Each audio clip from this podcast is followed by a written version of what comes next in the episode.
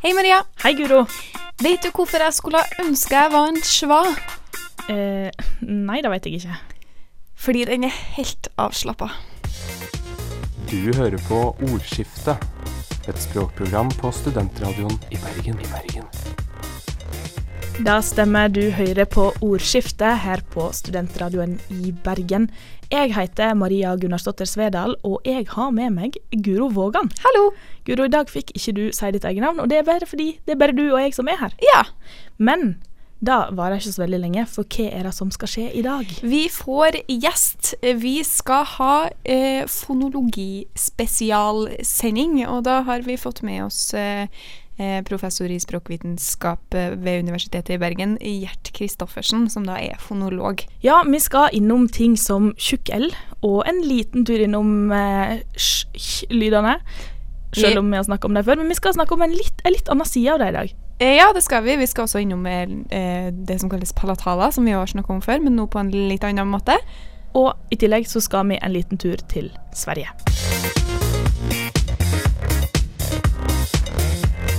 Nå har vi fått med oss en gjest her i eh, studio. Velkommen til oss, Gjert Kristoffersen, professor i nordisk språkvitenskap. Takk skal du ha. Eh, vi har invitert deg fordi vi har lyst til å snakke om fonologi. Og da er det jo interessant å vite hvem er du? Jeg er professor i nordisk språkvitenskap, som du sa. Og eh, når jeg skal presentere meg nærmere, så sier jeg at jeg er fonolog. Og da var vel spørsmålet kanskje egentlig hva fonologer driver med, eller hva fonologi er. Og fonologi det er studiet av lydstrukturen i språket. Det er kanskje ikke noen som tenker på at, eh, at uh, språket ikke består av tilfeldige lyder, men at det faktisk er en struktur og et system i det. Uh, alle vet hva forskjellen på vokaler og konsonanter er. Og noen har kanskje tenkt over at, at ulike språk har ulike vokaler. F.eks. så har de som har lært engelsk i løpet av livet, og det er ganske mange av oss, kanskje oppdaga at engelsk ikke har vokalene y og ø som norsk har. Så finnes det andre også samme konsonanter. Så det er nettopp dette her du er ekspert i, da? Det er vel det, da. Ja. ja. Eh, men eh, hva du driver med til, til, daglig? Det er det som i uh, en underavdeling av fonologi, eller undergren, som uh, kalles prosodi, og som er studiet av de større enhetene i, uh, i fonologien. Altså enheter som, som omfatter mer enn en enkel vokal eller en enkel konsonant. Sånn som stavelser, f.eks. Det er jo en gruppe av uh, det vi kaller segmenter, altså vokaler og konsonanter. Og uh, trykk er noe som stavelser har, ikke vokaler og konsonanter. Så jeg er interessert i trykk. F.eks. For forskjellen mellom trykkplassering i uh, Trøndelag og Østlandet, fabrikk mot fabrikk. Og eh, så har vi norsk noe som uh, er veldig sjelden i Europa, nemlig at vi bruker ordmelodi til å skille betydning. Eh, hvis en spør uh, folk ute på gata, det kan dere forsøke en gang, hva som er forskjellen på bønder og bønder, eller tanken og tanken, så vil folk veldig ofte stoppe litt opp, nøle, tenke seg om. Og veldig mange vil til slutt komme med at kanskje det har noe med trykk å gjøre. Men det har det ikke. Det har rett og slett med forskjellige melodier over den samme rekka eller strengen av konsonanter og vokaler. Uh, vil du jeg skal forklare det nærmere med et eksempel? Ja, gjerne. Ja. Uh, da tar jeg tre stavelsesord. Uh, I min dialekt så er det såkalt minimalt par. Det er de samme vokalene og konsonantene, men melodien er forskjellig. Og levende, det mm. betyr noe som lever, ikke sant? Levende, det er bråkstøy. Levende levende. Hører dere at uh, Det er samme trykk, men det er ulik melodi? Ja, det er trykk på første stavelse. Det er den som er mest uh, hørbar, for å si det sånn. Men på, i levende så har vi en relativt høy tone. Levende. Mens i levende så begynner vi mye lavere. Og det er veldig alminnelig i Øst-Asia, store deler av Afrika, men veldig sjelden i Europa. Det er norsk og svensk, litauisk, serbisk og kroatisk og noen dialekter i Tyskland og Nederland og Belgia. Det fins jo mange andre veier å gå når man skal studere språk. Hvorfor valgte du akkurat fonologi? Det tror jeg kanskje var litt tilfeldig, men, uh, men jeg husker da jeg begynte på universitetet, så, uh, så, visste jeg ikke helt hva jeg skulle begynne på, men jeg hadde nå falt ned på fransk til slutt. Og da måtte man ta noe som het, den gang het forprøven i språkvitenskap og fonetikk, nå er det vel X-fag, i språk og kommunikasjon. Det stemmer. og det var grådig interessant. Da oppdaga jeg på en måte både språkvitenskapen og fonologien. Og uh, så var jeg liksom innom fonologien med jevne mellomrom. Jeg fortsatte å studere først fransk, så nordisk. Så tok jeg pedagogikk. Det var et lite sidesprang. Så. Men jeg lærte noe statistikk i hvert fall. Og så var jeg så heldig å få et stipend, utvekslingsstipend til uh, California, til University of California. Så jeg havna ved UCLA et år i uh, Los Angeles. Og der hadde de et veldig godt språkvitenskapelig miljø. Og der var ikke lærerne særlig redde for å vise at de syntes det de holdt på med var grådig gøy. I motsetning til norske professorer på 1970-tallet. så det, det, det, var en entusiasme som på en måte var veldig smittende. Så da jeg kom hjem derfra, da visste jeg i hvert fall hva jeg skulle bli. Kanskje visste jeg ikke at jeg skulle på, bli universitetslærer, men jeg visste i hvert fall hva jeg skulle skrive hovedoppgave om. Skal jeg fortelle hva jeg skrev Opp? Veldig gjerne. jeg skrev nesten 300 sider om hvordan man uttaler R i Arendal. Å, oh, det er gøy. Det er jo uh, helt åpenbart at dette her går på et uh, detaljnivå. Og uh, skal, du skal få fortelle oss om en del forskjellige ting som skjer i det norske språket. Og vi skal òg en tur til Sverige. Vi er straks tilbake.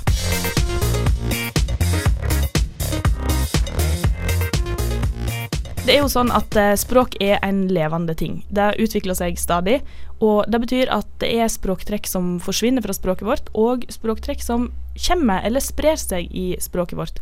Og en sånn tendens den ser vi på Østlandet, der det vi kaller for Østfoldsellen sprer seg inn i Oslo-området. Hva er dette her for noe? Det er en annen uttale av L enn den som man normalt har hatt i Oslo. Og, eh, mens man da har hatt i, uh, i uh, Østfold. Nå vet jeg ikke om noen har undersøkt veldig nøye om det er eksakt den samme L-en, men det høres ut som den L-en som en har brukt i Østfold i mange år. Og for å beskrive forskjellen, så uh, er det for det første ikke det som vi kaller tjukk L. Tjukk L det er den lyden som en har i østlandske og trøndelaget, f.eks. blå, folk, nå har ikke jeg tjukk eller min dialekt, så dette er muligens ikke helt korrekt. Kanskje Guro kan demonstrere? Ja. Blå og folk. Takk. um, dette er en annen type L-lyd. Og egentlig så er det en lyd som, som uh, Oslo-folk allerede har i språket sitt, men, men, de har begynt å bruke den et annet sted enn, enn der de normalt bruker den. Hvis, vi, hvis en forsøker å si f.eks. ordparet sil og sal, begge ender på L. Mm. Og det folk ikke tenker over, og det er ingen vits i å tenke på det heller, er jo at de to l-ene, de uttales ganske forskjellig fordi at de påvirkes av vokalen foran. Når en sier skil, så ligger tunga mye høyere i munnen når en sier l, enn når en sier sjal. Og det folk dette, altså Jeg sa at ingen har undersøkt det ordentlig, så at dette er min hypotese. Det er ikke sannheten. Det må undersøkes. Uh, men det høres ut som det er at de har begynt å bruke i-l-en også etter, eller, uh, etter A. Sånn at istedenfor å si sal, så sier de sal. Mm. Og den l-en ligger veldig nær den l-en bruker. Kan, en kan godt forsøke det selv. altså Bare uh, finn frem til den l-en, den tungstillingen en har etter i, og forsøk å bruke den tungstillingen etter en A så vil det høres ut som sal. Og da framstår det for folk flest som at denne L-en fra Østfold kommer da og sprer seg inn? Det er tydelig at den sprer seg. Mm. det er, nå hører jeg også voksne, altså unge voksne, uh, som, uh, som bruker den. Men den vi kaller tjukk L, det, det, er den som Guro har, og dette er den Østfolds-L-en. Og tjukk L, den er ikke sånn at den sprer seg? Nei, den det vet vi egentlig ingenting om. Anekdotisk har jeg hørt at ungdom i Oslo og på Østlandet bruker den mindre, kanskje særlig i Oslo, Oslo vest. Men, uh, men det, er, det, er, noen som har fortalt meg at deres barn ikke bruker tjukkel lenger. Og, og, det skal man være veldig forsiktig med å generalisere fra å si at nå, nå slutter ungdommen å bruke tjukkel. Altså, tjukkel i blå og folk osv., det er jo ikke særlig det vi kaller stigmatisert. altså Det blir ikke sett ned på. Barn får ikke kjeft hvis de sier folk og blå, tror jeg. Uh, og det gjør at, uh, at uh, den da Altså forholdene ligger da til rette for at den vil overleve. Men, men det er andre krefter som også er i sving, og som er veldig vanskelig å identifisere, som også kan gjøre at en, en lyd forsvinner. Så, men, men, jeg tror til og med kongen av og til bruker uh, tjukk L i ord som blå og folk og sånn. Uh, der kan man høre etter i nyttårstalene. Hvis jeg sier det på radio når han hører det, så slutter han vel, men Hvis kongen hører på ordskiftet, da blir jeg imponert også. Ja, det er veldig, veldig fornøyd. det må være et mål. Men uh, det, det, her er jo litt gøy, fordi at uh, det at Eh, Oslofolk, da, eh, hvis vi kan si det på den måten, eh, tar i bruk et trekk som er fra bygdestrøkene, egentlig. Kan vel kalle Østfold bygdestrøk, i hvert fall tradisjonelt har det jo vært det. fordi at trenden ellers er jo at man endrer dialekta si mot det som er regionssentrum. Ja, mange av de endringene som skjer, er vel det at, at trekk sprer seg fra, fra, byer og tettsteder til omegnen rundt. Men så får en altså enkelte endringer som går den motsatte veien. Som enten, en, enten går den motsatte veien eller oppstår mer eller mindre av seg sjøl og sprer seg. Og, og der eh, det vi kan kalle tettstedet eller byprestisjen ikke spiller, ser ut til å spille noe særlig rolle. Uh, det vil si det kan den kanskje gjøre i noen tilfeller, sånn som dette sammenfallet med, mellom sjølyd og kjøllyd f.eks. Det har jo oppstått i Eller sannsynligvis oppstod det i Bergen på 70-tallet. Det er det de fleste av oss tror. Og, og derfor har det jo spredt seg til andre byer, og fra byene kanskje utover uh, til omegnen. Men uh, den Østfolddelen har jo gått den motsatte veien da. Uh, og, og, det er en situasjon der veldig mange holder Østfold-dialekten for å være jeg har sagt den styggeste dialekten de, de kjenner til. Men Og det kan jo da kanskje høres veldig rart ut at et sånt trekk greier å arbeide seg inn fra en dialekt med veldig lav prestisje. Men, uh, men, det som skjer, er vel at barn og unge, som er de som kanskje introduserer endringen, de tenker ikke over dette. Det er voksne, det er foreldre, det er lærere det er autoritetspersoner som har disse oppfatningene av hva som er pent og stygt i språket. Barn og ungdom tenker ikke over det, og hvis noen skulle minne dem på det, så er det noe som heter uh, ungdomsopprør og trassalder osv., som gjør at det kanskje forsterkes. Det er veldig spennende tendenser Absolutt. Det, det, virker, det, er jo spennende at ting går på en måte på, på tvers av hverandre. At det ikke er en, det er ikke én tydelig retning eh, på alle typer trekk. Mm. Eh, og om bitte litt så skal vi snakke om eh, ting som er på vei ut av språket vårt.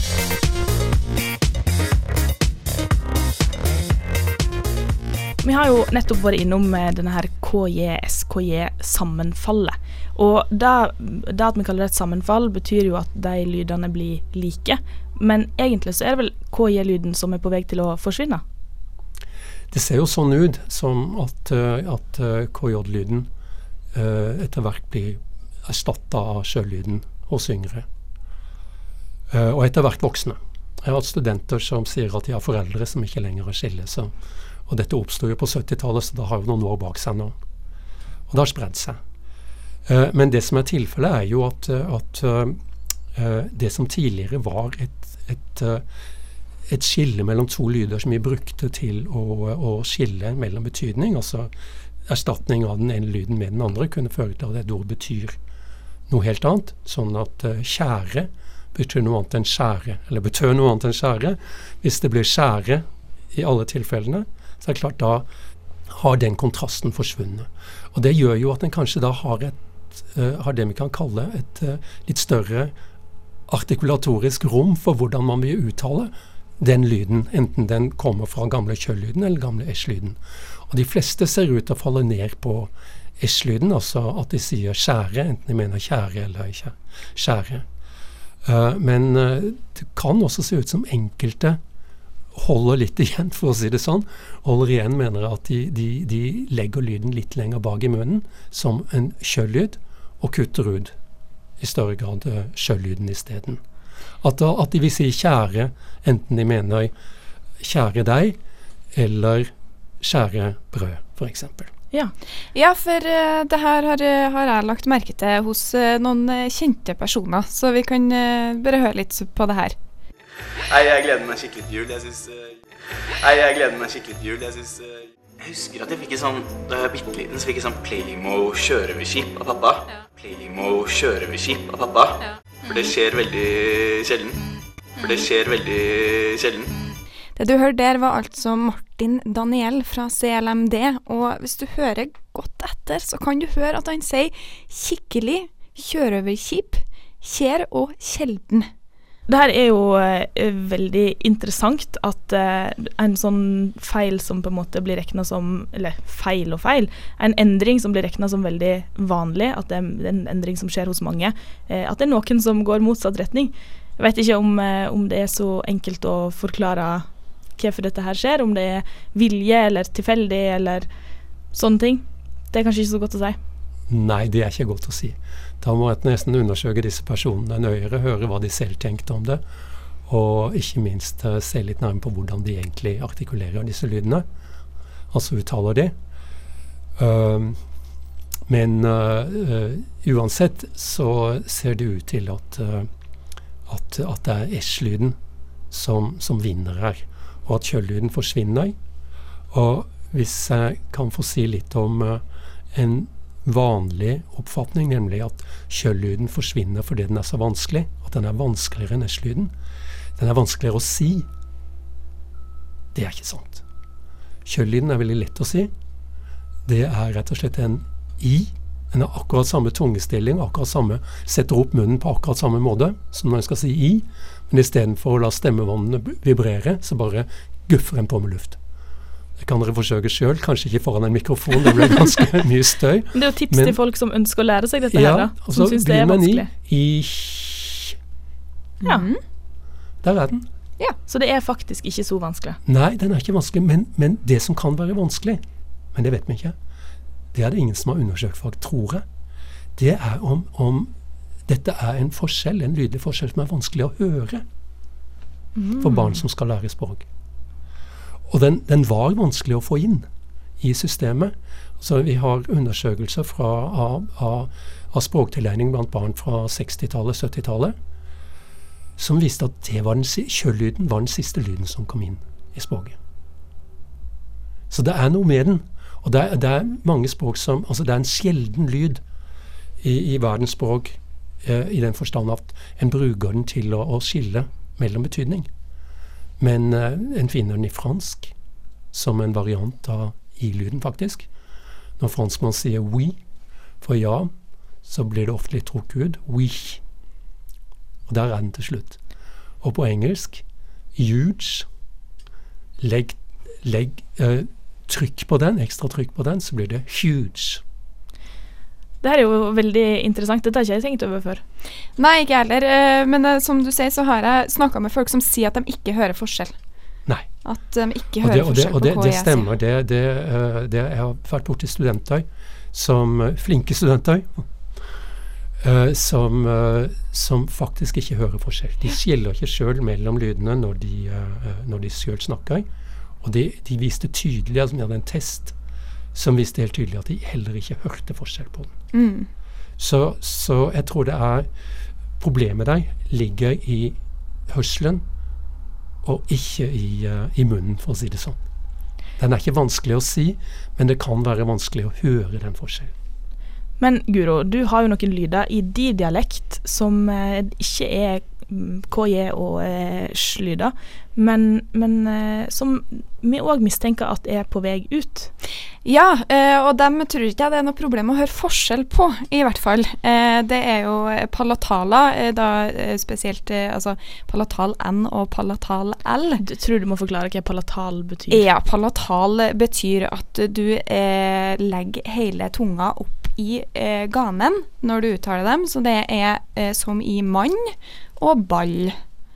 Og det som eh, ser ut til å være en tendens, da, er at eh, de her lydene blir bytta ut med det man kaller en retroflex, som er at du legger tunga uh, bakover i munnen, sånn som når du sier barn, f.eks. eh, og, at og at noen da sier mann og ball i stedet.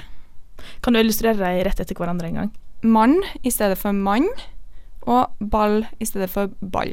Gjert, hva handler dette her om?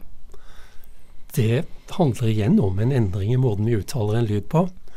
Og eh, det er ikke en uh, altså Dette er noe som først og fremst skjer i Nord-Norge, ser det ut til. Kanskje også i Trøndelag, men, men, men uh, det, vi har, uh, det, vi har, undersøkelser av, er Alta og, og, Narvik.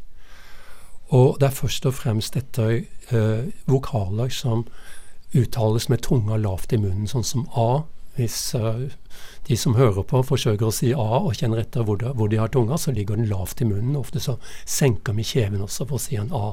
Og som, uh, og som en av programlederne nettopp sa, så uttales en palatal med tunga veldig høyt i munnen. Så det er en lang vei å gå fra den A-en og opp til palatalen. Og da blir det faktisk litt enklere å bruke det som du kalte en retroflex, for der kan en beholde mesteparten av tunga nede i munnen og bare stikke opp tungespissen. Så det er rett og slett en kortere vei å gå? Ja, ja. en forenkling. Uh, det, det, er et slags sånn dovenskapsprinsipp knytta til dette med uttale.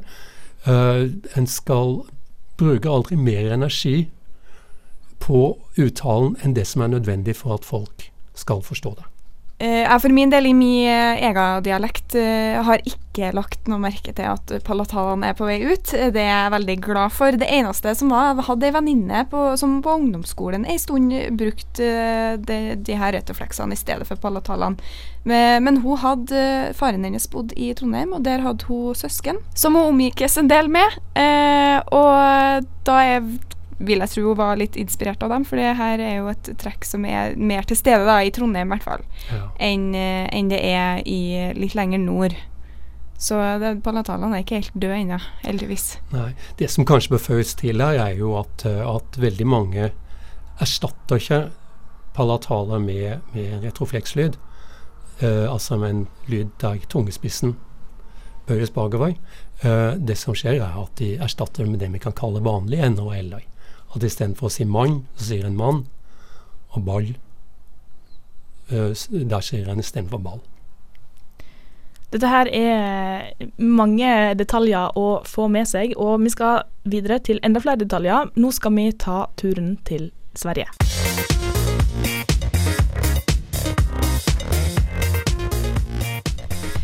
Gjert, du har drevet med et eh, forskningsprosjekt der du har tatt turen til Sverige. Kan du fortelle oss litt om dette prosjektet? Ja, jeg har jobba en del med dialektene i uh, øvre del av Dalarna i Sverige. Altså det området som ligger nokså nær uh, grensa til Norge. Uh, hvis en kjører til Elverum og til Trysil og så over grensa, så kommer en til Dalarna.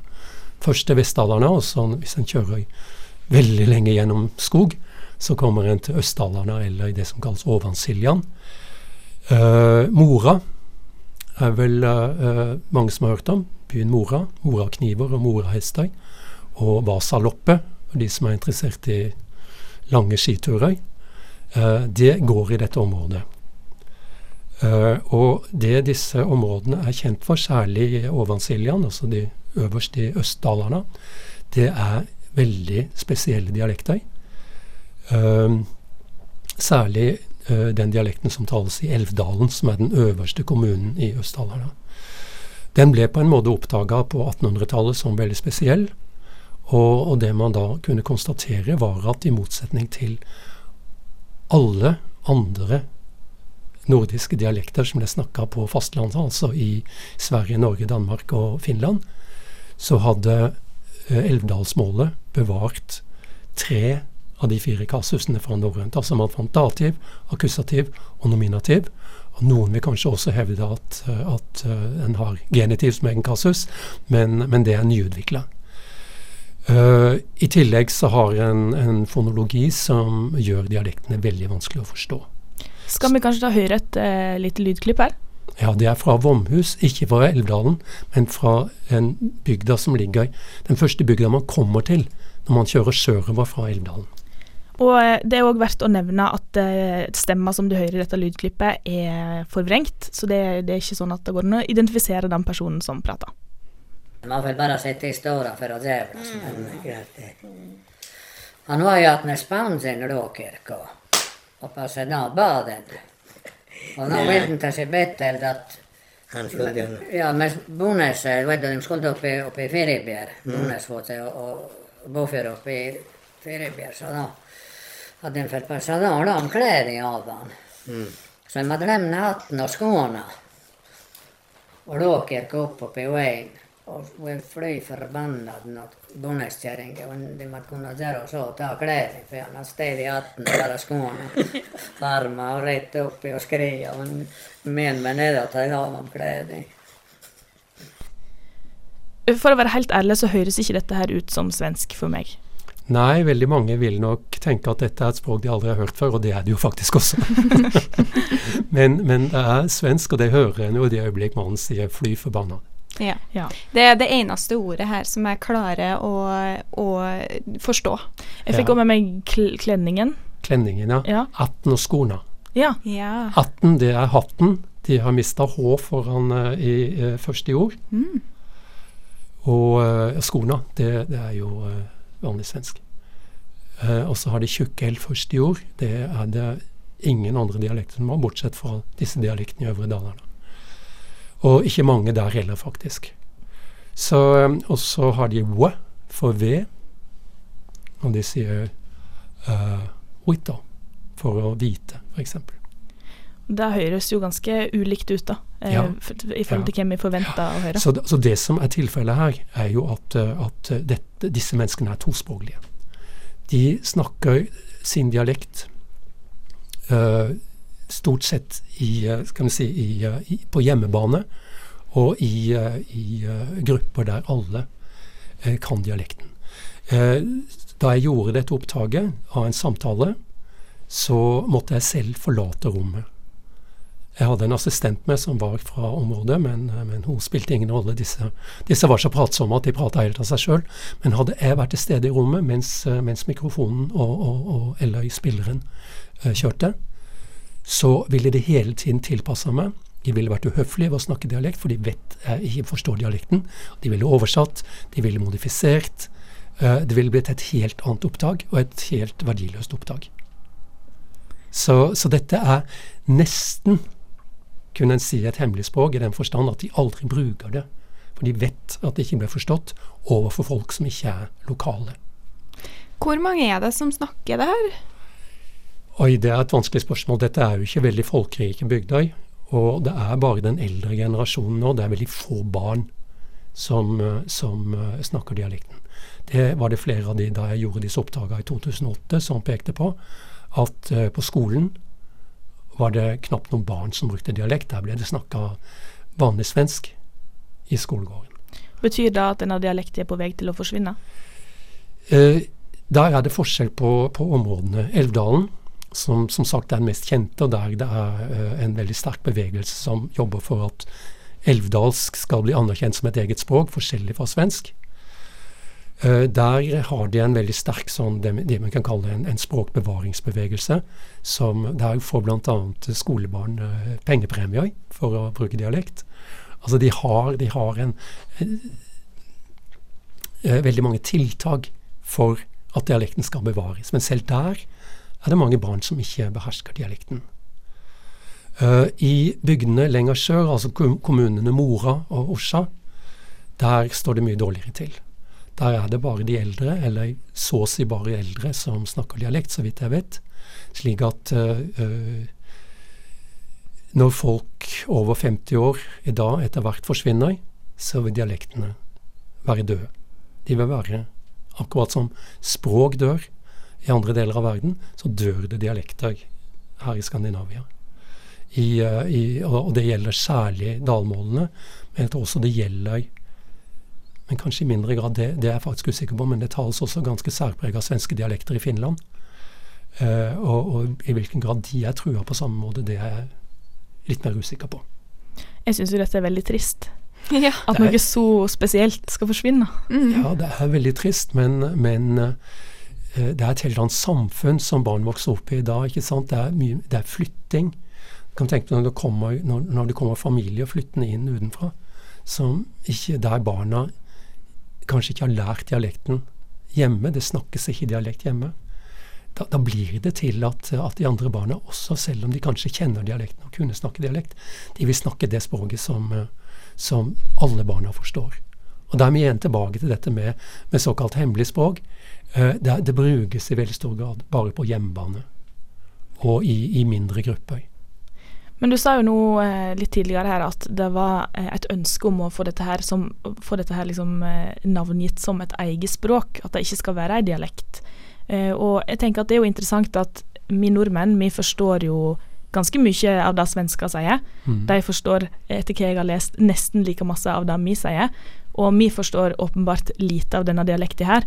Og svenskene forstår da altså heller ikke så mye av denne dialekten. Det gjelder nok de fleste svensker også, litt avhengig av hvor langt fra Elvdalen eller fra Ovansiljan de har vokst opp. Uh, så, så, vil svensker også være ganske fortapt uh, når de møter en dialekt som, som, det her. Og det er jo derfor de som taler dialekten, også taler standardsvensk. Så de er tospråklige. Og det er jo, det er jo slik språk dør, ikke sant. Uh, folk kan kanskje det språket som er i ferd med å dø, men, men skal vi si, anvendeligheten blir mindre og mindre. Og etter hvert så er det så få situasjoner det brukes i, at, eh, at uh, folk slutter å bruke det. Og, det. og, ikke minst, og det er veldig viktig, det, det overføres ikke til de neste generasjonene. Fins det noen eksempler på noe lignende i Norge? Ja, vi skal ikke lenger enn til Strileland rundt Bergen. Der er bergensdialekten i ferd med å overta. Den sprer seg sammen med kan vi si, hele urbaniseringen av, av, regionen rundt Bergen, så sprer bergensmålet seg uh, og fortrenger de gamle strilemålene, som var veldig forskjellige fra bergensdialekten. Og litt avhengig av avstanden fra Bergen, så, så skal det godt gjøres å, å, å, finne skal vi si, unge og barn som i dag snakker uh, strilemålene på en måte som, på samme måte som foreldrene, eller ikke minst besteforeldrene deres gjorde. Så de dialektene vil sannsynligvis også forsvinne over noen generasjoner nå. Og, ehm, og det er en samme situasjonen. Også, eller kanskje, nei, det er kanskje ikke riktig å si at det er en samme situasjon som i Daland. Det er en annen situasjon. Her er det, en, her er det altså en dominerende dialekt som sprer seg, sammen med en, en, skal vi si, en økonomi og et bosettingsmønster som, som gjør at dialektene, de opprinnelige dialektene blir overkjørt av bymålet. Og etter hvert blir erstatta det skjer jo ikke over natta at barn våkner og snakker bergensk, men over, over ganske få generasjoner, faktisk, så endrer strilemålene seg fra, uh, fra skal vi si, dialekt som er veldig forskjellig fra det bergenske, til noe som er bergensk. Men er dette på en måte noe vi bør uh, gå aktivt inn for å stoppe, eller er dette noe som vi bare må la skje? Jeg tror det er veldig vanskelig å stoppe det. Eh, det er sterkere krefter enn bare, bare språkskifte i gang her. Og hvis en vil stoppe urbaniseringa rundt Bergen, og, og, det at folk pendler til byen for å jobbe f.eks., det at folk flytter ut utkantkommunene fordi det er billigere tomter og, og, og dermed lettere å, å finansiere et, et hus f.eks., det er ikke noe vi kan hindre. Og da, og da følger dette språkskiftet med på lasset. Så uh, det viktigste er kanskje å dokumentere det og, eh, og eh, undersøke hva som skjer. Og det her har jo uh, min kollega Helge Sandøy leda et prosjekt der en nettopp ser på hvordan dialektene rundt Bergen endrer seg. Det, en ser også på dialektendring andre steder i landet, men, men, veldig mye av dette prosjektet har gått på hvordan denne brytningen mellom bergensmålet og strilemålene. Bergenserne er opphavet til sammenfallet mellom KIE og SKIE-lyden, og de tar livet av eh, Nabodialektene. dialektene rundt seg. Så det bekrefter jo bare min hypotese om at bergensere er rota til alt ondt. De har mye å svare for. ja. Men altså, jeg klarer jo å skrive så folk forstår. Skrive lei, skrive lei, skrive lei, skrive lei. Men det finnes jo en beryktet bande der ute som alltid er på vakt 24-7. Språkpolitiet, vær så god. Hva kan jeg hjelpe deg med? Da er det klart for Språkpolitiet her i Ordskiftet. Og gjesten vår, Gjert Kristoffersen, han er fortsatt med oss. Og Gjert han var faktisk en del av min, min og Guro sin første skoledag på universitetet. Ja, og han er da opphavet til det temaet her, fordi at uh, i pausen uh, i den første undervisninga vi hadde, uh, så var det noen som spurte Gjert hva som var hans yndlingsdialekt. Og kan ikke du bare fortelle hva du svarte, Gjert? Ja, jeg mener jo at jeg i hvert fall burde ha svart, jeg tror jeg gjorde det også, at, eh, at jeg har ingen yndlingsdialekt, og at uh, språkeksperter ikke skal ha det. Og de skal i hvert fall ikke ha meninger om hva som er en stygg dialekt eller ikke. Og dette og, sitter godt i hos deg, Guro? Ja, det, var, det syns jeg var Jeg synes det var så utrolig fint. For det gir en sånn eh, verdi til alle dialekter, uavhengig av eh, altså, hva man syns om dem. da, altså Om du syns noe er fint eller stygt, er jo det er helt klart subjektivt. Men i Altså, i Blant den vanlige mannen i gata, da, eller de vanlige mennene i gata, så, så har jeg en sånn opplevelse av at det er sånn det er sånn fasitsvar på det, på en måte. At man har en sånn opplevelse av at nei, f.eks. Østfold-dialekt er stygt, eh, og eh, sørlandsdialekt er pent. Det er noen sånne standardsvar, da. Ja. Mm. Men så når du da kommer og sier at en person som har faglig innsikt og kunnskap om språk, ikke bør uttale seg om det, eh, hvorfor tenker du at det må være sånn? Det er først og fremst fordi at det ikke finnes trekk ved dialekter som gjør at vi på faglig grunnlag kan si at de er stygge eller pene. Det er rett og slett en smakssag.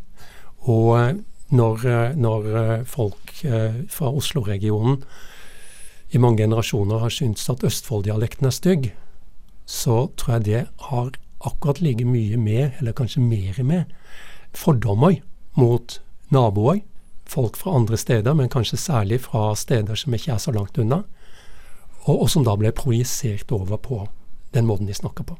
Så det har lite med språk å gjøre, og ja, mer med hvem vi tenker? Altså Det finnes ingen objektive kriterier for å, si at uh, den og den språklyden er pen, og den og den språklyden er stygg. Men jeg må jo spørre om du sånn i all hemmelighet har en favoritt Du trenger ikke å svare på dialekten, men har du egentlig en sånn favorittdialekt som du egentlig liker godt, men som du aldri kan fortelle til noen? Ja, nei, jeg vil ikke si noe om svaret på det spørsmålet. For, for, det at det kan lett bli tatt til inntekt for at her har, det, her har vi å gjøre med en ekspert på språk. Han sier at den og den dialekten er fin, den, den og den dialekten er stygg. Det ville jeg aldri sagt, men jeg kunne kanskje si at den, den, dialekten er fin. Men altså, folk kan da tro at jeg, har faglig grunnlag for å si det, og det har jeg jo ikke. Jeg har akkurat også min, min, min skal vi si, Mine oppfatninger om hva som er stygt og pent, er akkurat like lite faglig begrunna som den vanlige mann og kvinnes. Og, og, og dermed så, så, kan jeg, som jeg sa, lett komme til å gi inntrykk av at jeg har faglig grunnlag for å si at den og den dialekten er stygg, eller den og den dialekten er pen. Jeg syns jo at de dialektene jeg jobber med, har jobba mye med, er veldig fine. Men det er fordi jeg har jobba mye med det, og har møtt mennesker som snakker dialektene, og er glad i de fenomenene som, jeg, som jeg er interessert i. Men, men det blir noe helt annet. Ja, eh, det du sier der tror jeg er litt uh, viktig, for jeg har en en liten sånn teori om at uh, det har lite med dialekter å gjøre, og mye med personen som snakker å gjøre. Eh, fordi at eh, du kan like en person eller ikke like en person, og det tror jeg påvirker ganske mye eh, hva du syns om dialekter. Og i Norge så er vi jo veldig flinke til å bruke dialektene i det offentlige rom, derfor så er det veldig mye dialekt representert i underholdning. Eh, og da tror jeg det har mye å si med hvem er det fra denne plassen som er i det offentlige rom, som du hører snakke denne dialekta ganske ofte, og om du liker eller ikke liker den personen. Ja, det, det, tror jeg er riktig, men det kan like gjerne være omvendt. Hvis du har fordommer mot en dialekt, møter en person du aldri har møtt før, som snakker den dialekten, så kan du veldig lett projisere dine negative holdninger eh, til dialekten over på selve personen, og definere eller oppfatte vedkommende som en person du ikke har lyst til å bli kjent med, en person som du tror har egenskaper som, uh, som du ikke liker, osv. Jeg har hatt en sånn opplevelse, faktisk, der jeg eh, det var ei dialekt i Norge som jeg i utgangspunktet, basert på den teorien til Guro, likte godt. Og så møtte jeg noen fra den eh, plassen som jeg ikke likte så veldig godt. Eh, og da ble jeg litt sånn, merka at jeg ble litt negativt innstilt. Jeg syns den dialekten ble litt irriterende, da. Men så flytta jeg til Bergen og møtte noen nye her som hadde den dialekten, og nå er jeg veldig glad i den igjen. Så ikke veldig bastant på mine meninger, Nei, altså. Nei. Nei. Eh, men eh, det som eh, er Gjert eh, sitt eh, standardsvar på dette spørsmålet har ført til, da, er jo at vi i ordskiftet, som også på en måte er eh, liksom eksperter Jeg skal ikke si at vi er på Gjert sitt nivå. Nei, vi er ikke på Gjert sitt nivå, men vi kan jo bli oppfatta som eksperter på språk. Det er jo det vi snakker om her. Eh, Og det er det dere har studert? ja, i, i det også. Eh, så da har vi rett og slett ikke hatt det som tema. Eh, våre fav favorittdialekter. Nei, for det har ikke vi heller. Nei. Men på li det samme som Gjert. Her kunne jeg hatt veldig lyst til å si at det er veldig hyggelig å høre at undervisning gjør en forskjell, men siden, men siden det var et spørsmål i pausen, så kan jeg jo ikke det. Men du har i hvert fall satt ditt preg på dette programmet, da, uten å vite om det sjøl. Ja.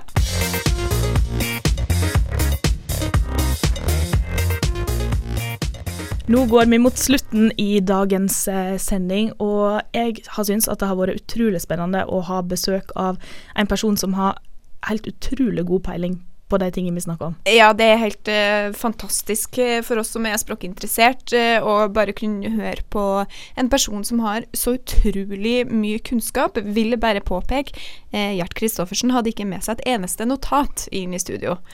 Det er, altså Jeg og Guro hadde notat på det spørsmålet vi skulle stille han, så, så det sier jo litt om hans eh, kunnskapsnivå. ja, det er litt forskjellig nivå her, kan man jo godt si. Men hvis du har lyst til å høre mer av ordskiftet, Guro, hvordan kan du finne oss? Du finner oss på eh, iTunes. Bare gå inn der og abonner på podkasten vår, og gjerne gi oss fjems... fem Liten fonologiglipp der eh, på Guro. Ja, gjerne gi oss fem stjerner. Eh, mens du er der, eh, gå òg inn på Facebook og lik sida vår der, så du er oppdatert på hva vi driver med. Og så må vi selvsagt si tusen takk til Gjert Kristoffersen for at han kom og var med oss i dagens sending. Tusen takk, Gjert. Og så snakkes vi om eh, ei uke. Det gjør vi. Ha det bra. Ha det. Du hører på Ordskiftet, et språkprogram på studentradioen i Bergen. I Bergen.